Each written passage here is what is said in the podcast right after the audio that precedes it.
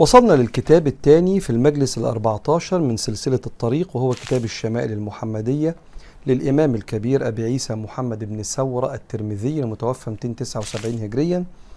وكتاب الشمائل المحمدية إحنا بندرسه لفهم وتحقيق القرب والتعلق بسيدنا محمد عليه الصلاة والسلام. تكلم عن صفاته الخلقية والخلقية.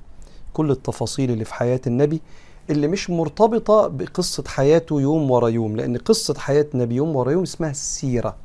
أما الشمائل فهي أخلاق النبي عليه الصلاة والسلام وتفاصيل تصرفاته اليومية. وصلنا في كتاب الشمائل لباب آه، كيف كان كلام رسول الله. كان بيتكلم إزاي ويتكلم في إيه و... وأنا بحب الباب ده جدا. وكنا وقفنا عند آه، الحديث 215 في هذا الكتاب لما سيدنا الحسن سأل سيدنا هند ابن أبي هالة هند ابن أبي هالة ابن السيدة خديجة وكان سنه كبير ولحق النبي عليه الصلاة والسلام. ولما انتقل النبي صلى الله عليه وسلم من الرفيق الأعلى كان سيدنا الحسن عنده تقريبا سبعة ثمان سنين. فقال له يا خالي احكي لي كده على النبي وصف أتعلق به فبدأ يكلمه عن سيدنا رسول الله. المرة اللي فاتت آه، خدنا كان رسول الله صلى الله عليه وسلم متواصل الأحزان دائم الفكرة ليست له راحة. لو ما سمعتش الكلام ده لازم تسمع الدرس اللي فات. طويل السكت لا يتكلم في غير حاجة يفتتح الكلام ويختمه بسم الله تعالى ويتكلم بجوامع الكلم كلامه فصل لا فضول ولا تقصير ليس في بالجافي ولا بالمهين يعظم النعمة وإن دقت لا يذم منها شيئا غير أنه لم يكن يذم ذواقا لا ده جديد ده. آه لا هنبدأ النهاردة من هنا. بيقول بقى إيه سيدنا هند بن أبي هالة ابن السيدة خديجة اللي خلفته من الزوج اللي كان قبل النبي عليه الصلاة والسلام. بيقول على آه، وصفه للنبي ليس بالجافي ولا بالمهين يعظم النعمة وإن دقت لا يذم منها شيئا غير أنه لم يكن يذم ذواقا ولا يمدحه. طيب خلينا نقف هنا ونحاول نشرح ونكمل بعد كده. النبي عليه الصلاة والسلام في طبعه ما فيهوش جفا. والجفا إنك أنت لما تتعامل مع حد تشعر إن مستوى مشاعره أقل منك بطريقة تشعرك بالرفض فإقبالك عليه أكتر من إقباله عليك. تسامحك معاه أكتر من تسامحه معاك. النبي ما كانش كده. النبي كان ألطف وألين وأطيب وأحن وكل حاجة أكتر. فعمره ما كان جافي. وعمرك ما تشوف من النبي رد فعل يخضك أو يصدمك أو يخليك تقول هو ليه بيكلمني كده أو بيعاملني كده. عمره ما كان جافي مع حد والجفاء من البعد. ولا بالمهين. هناك فارق ما بين الحزم والإهانة. وده من أحد الأخلاق المهمة اللي تتعلمها من سيدنا رسول الله. إنه ممكن يبقى عنده أعلى درجات الحزم من غير ما يهين اللي قدامه. لأن الإهانة غير نافعة. وانت ممكن تبقى مدير في شركة وترفد بني آدم من غير ما تهينه. ممكن تبقى أب وابنك يعمل مصيبة تربيه من غير ما تهينه. ممكن تبقى أي نوع من أنواع السلطة أو القوة أو صاحب أمر معين في شيء وتعمل كل اللي انت عايزه بغير إهانة. وبالتالي سيدنا النبي عليه الصلاة والسلام لم يكن مهينا لأحد ابدا. صلى الله عليه وآله وسلم. ولما معاوية بن الحكم السلمي اتكلم جوه الصلاة لأنه كان فاكر إن الصلاة ينفع نتكلم جواها وكان الحكم ده موجود بس اترفع لما نزلت الآية وقوموا لله قانتين فأمرنا بالسكوت ونهينا عن الكلام جوه الصلاة. فلما انتهى النبي من الصلاة بيقول معاوية كده فوالله ما رأيت معلما خيرا منه قط فوالله ما قهرني ولا ضربني ولا سبني ولكن قال يا معاوية إن هذه الصلاة ليس فيها من كلام الناس إنما هي ذكر وتسبيح وقراءة قرآن. بيعلمه فهموا الخطأ اللي حصل من غير ما يطلع متهان من حاجة زي كده. فكان النبي كده عليه الصلاة والسلام يعظم النعمة وإن دقت ولا يذم منها شيئا. النعمة كانت عند رسول الله عطاء الله. والنعم في مقاييس البشر صغيرة وكبيرة. يعني أكيد البصلة مش زي الخروف. لكن عندنا مثل مصري بيقول البصلة في عين المحب خروف. ليه بتقول كده يا مصريين؟ عشان الحب. فالحاجة البسيطة في عينيا بقت أكبر حاجة عند البشر لأنها منك. ولله المثل الأعلى ولرسوله الخلق الأعلى. عمر سيدنا النبي ما شفناه بيبص النعمة كده بشيء من الإزدراء. يعظم النعمة وإن دقت. وكان يقول كده صلى الله عليه وسلم لما يشوف أكل مرمي في الأرض لقمة يقول لها يا عائشة آه، أحسنوا جوار نعم الله. إحنا جيران إحنا والنعم. الأكل اللي في التلاجة ده ولا اللي على السفرة ده اللي متبقي وهيترمي ده دول جيراننا. احسنوا جوار نعم الله. فكان سيدنا النبي عليه الصلاة والسلام ما يتحطش قدامه أكل إلا ويحترمه لأنه اختيار الله ورزق الله في هذه اللحظة. فكان يعظم النعمة وإن دقت. ولما مرة واحد جه للنبي طلب منه صدقة والنبي اداله البلحة اللي كانت في بيته. فالراجل احتقر البلحة دي قوي. وقال نبي يعطي تمرة. أنا جاي لك وأنت نبي أطلب منك الصدقة ده أنا افتكرتك بقى هتغرقني. وياما النبي عليه الصلاة والسلام أغرق الناس بالعطاء. بس وقتها ما كانش فيه غير بلح. ده كل ما يملك. فاداله البلحة دي. فنظر لها كده باحتقار كده. فالنبي قال له أنت ما لها كده ليه؟ أما علمت أن في التمرة مثاقيل ذر كثيرة. ده جوه التمرة مش مش بالحسنة بالذرة عند ربنا. دي مليانة ذرات من الحسنات. عكس التاني اللي جه طلب من النبي حسنة فالنبي اداله تمرة.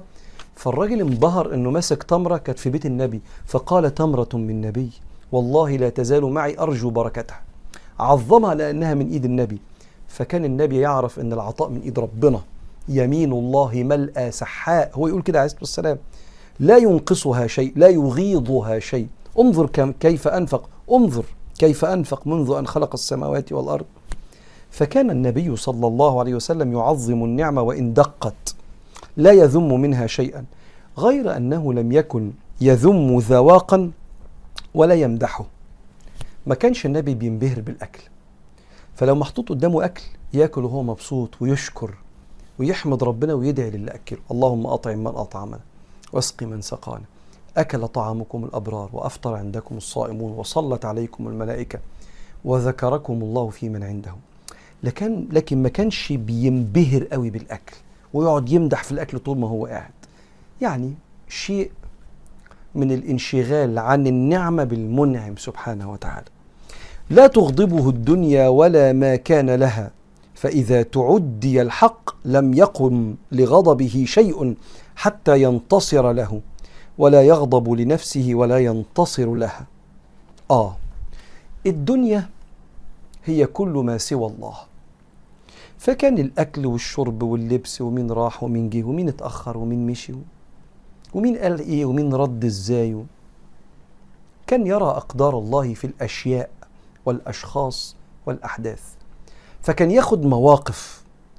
الموقف الصح في الوقت الصح بالإبعاد بالتقريب بالقرار معين بالعطاء بالمنع. لكن دون أن يتملكه الغضب الدنيا ما كانتش تغضب النبي عليه الصلاة والسلام ولا ما كان له. الأشياء مش بتغضبه. فإذا تعدي الحق آه لو حد داس على حد آه لم يقم لم يقم لغضبه شيء. حتى ينتصر له. الانتصار للغضب مش بالإهانة والبهدلة ويعني والدوس على رقاب الناس. ده الكلام ده إحنا الناقصين. ساعات بنعمل كده.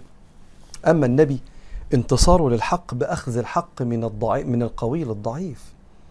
سيدنا أبو ذر اختلف مع سيدنا بلال فسيدنا بلال قال له بس ما ينفعش كده. فأبو ذر قال له إيه ده؟ أسكت يا ابن السوداء. أو ابن السوداء.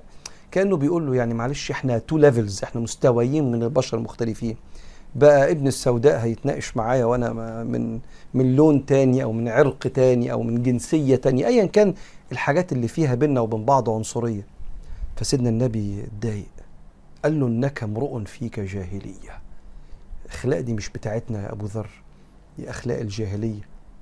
عشان كده فضل أبو ذر يستسمح سيدنا بلال وفي رواية حط له خده على الأرض وقال له دوس على خدي أنا استحق كده. حتى سامحه سيدنا بلال طبعا ما داسش على خده ولا حاجة هم كانوا أطيب وأحن وأرقى من كده. ولما سيدنا النبي صلى الله عليه وآله وسلم كان يشوف الحقوق بتنتهك كان يقف لأن كل حاجة إلا حقوق الناس. فكان صلى الله عليه وسلم لا تغضبه الدنيا فإذا تعدي الحق لم يقم لغضبه شيء. ولما وقتها كان بيطبق آه، حد السرقة بقطع اليد وكان بيطبق آه، العين بالعين وال- والسن بالسن وأحد الص- الصحابيات اتخانقت مع حد ولا حاجة فكسرت لها سنها. فلا مش ما ينفعش من فلانة الصحابية دي آه، تكسروا لها سنتها مقابل السنة التانية. فراحوا لسيدنا أسامة بن زيد وبعدين قالوا له اشفع عند رسول الله لا تكسر ثنية الربيع. فسيدنا النبي عليه الصلاة والسلام أم قايل أتشفعون في حد من حدود الله؟ والله لو سرقت فاطمة بنت محمد لقطع محمد يدها كأنه بيقول الحق حق ولو على أهل بيتي. فكان صلى الله عليه وسلم لا يقم لغضبه شيء حتى ينتصر له يعني إذا تعدي الحق ولا يغضب لنفسه. ياما اتقال عليه مذمم وشاعر وكاهن ومجنون وساحر. قولوا. المهم نمراه يعني إيه؟ اتكلم بالالفاظ بتاعتنا البسيطة يعني. إحنا في سكتنا ماشيين بنوصل رسالة ربنا وربنا يصد عنا إن الله يدافع عن الذين آمنوا. لا يغضب لنفسه ولا ينتصر لها. عارف لما بيعلمنا ما نضيعش أعمارنا في إن إحنا نركز مع كل واحد بيشتم ولا بيزعق ولا معترض كمل واعمل وربنا هو اللي يملك عزتك والانتصار لك. نقف هنا في كتاب الشمائل المحمدية ونكمل المرة الجاية إن شاء الله في المجلس الخمستاشر باب ما جاء في, كان في كيف كان كلام رسول الله صلى الله عليه وسلم.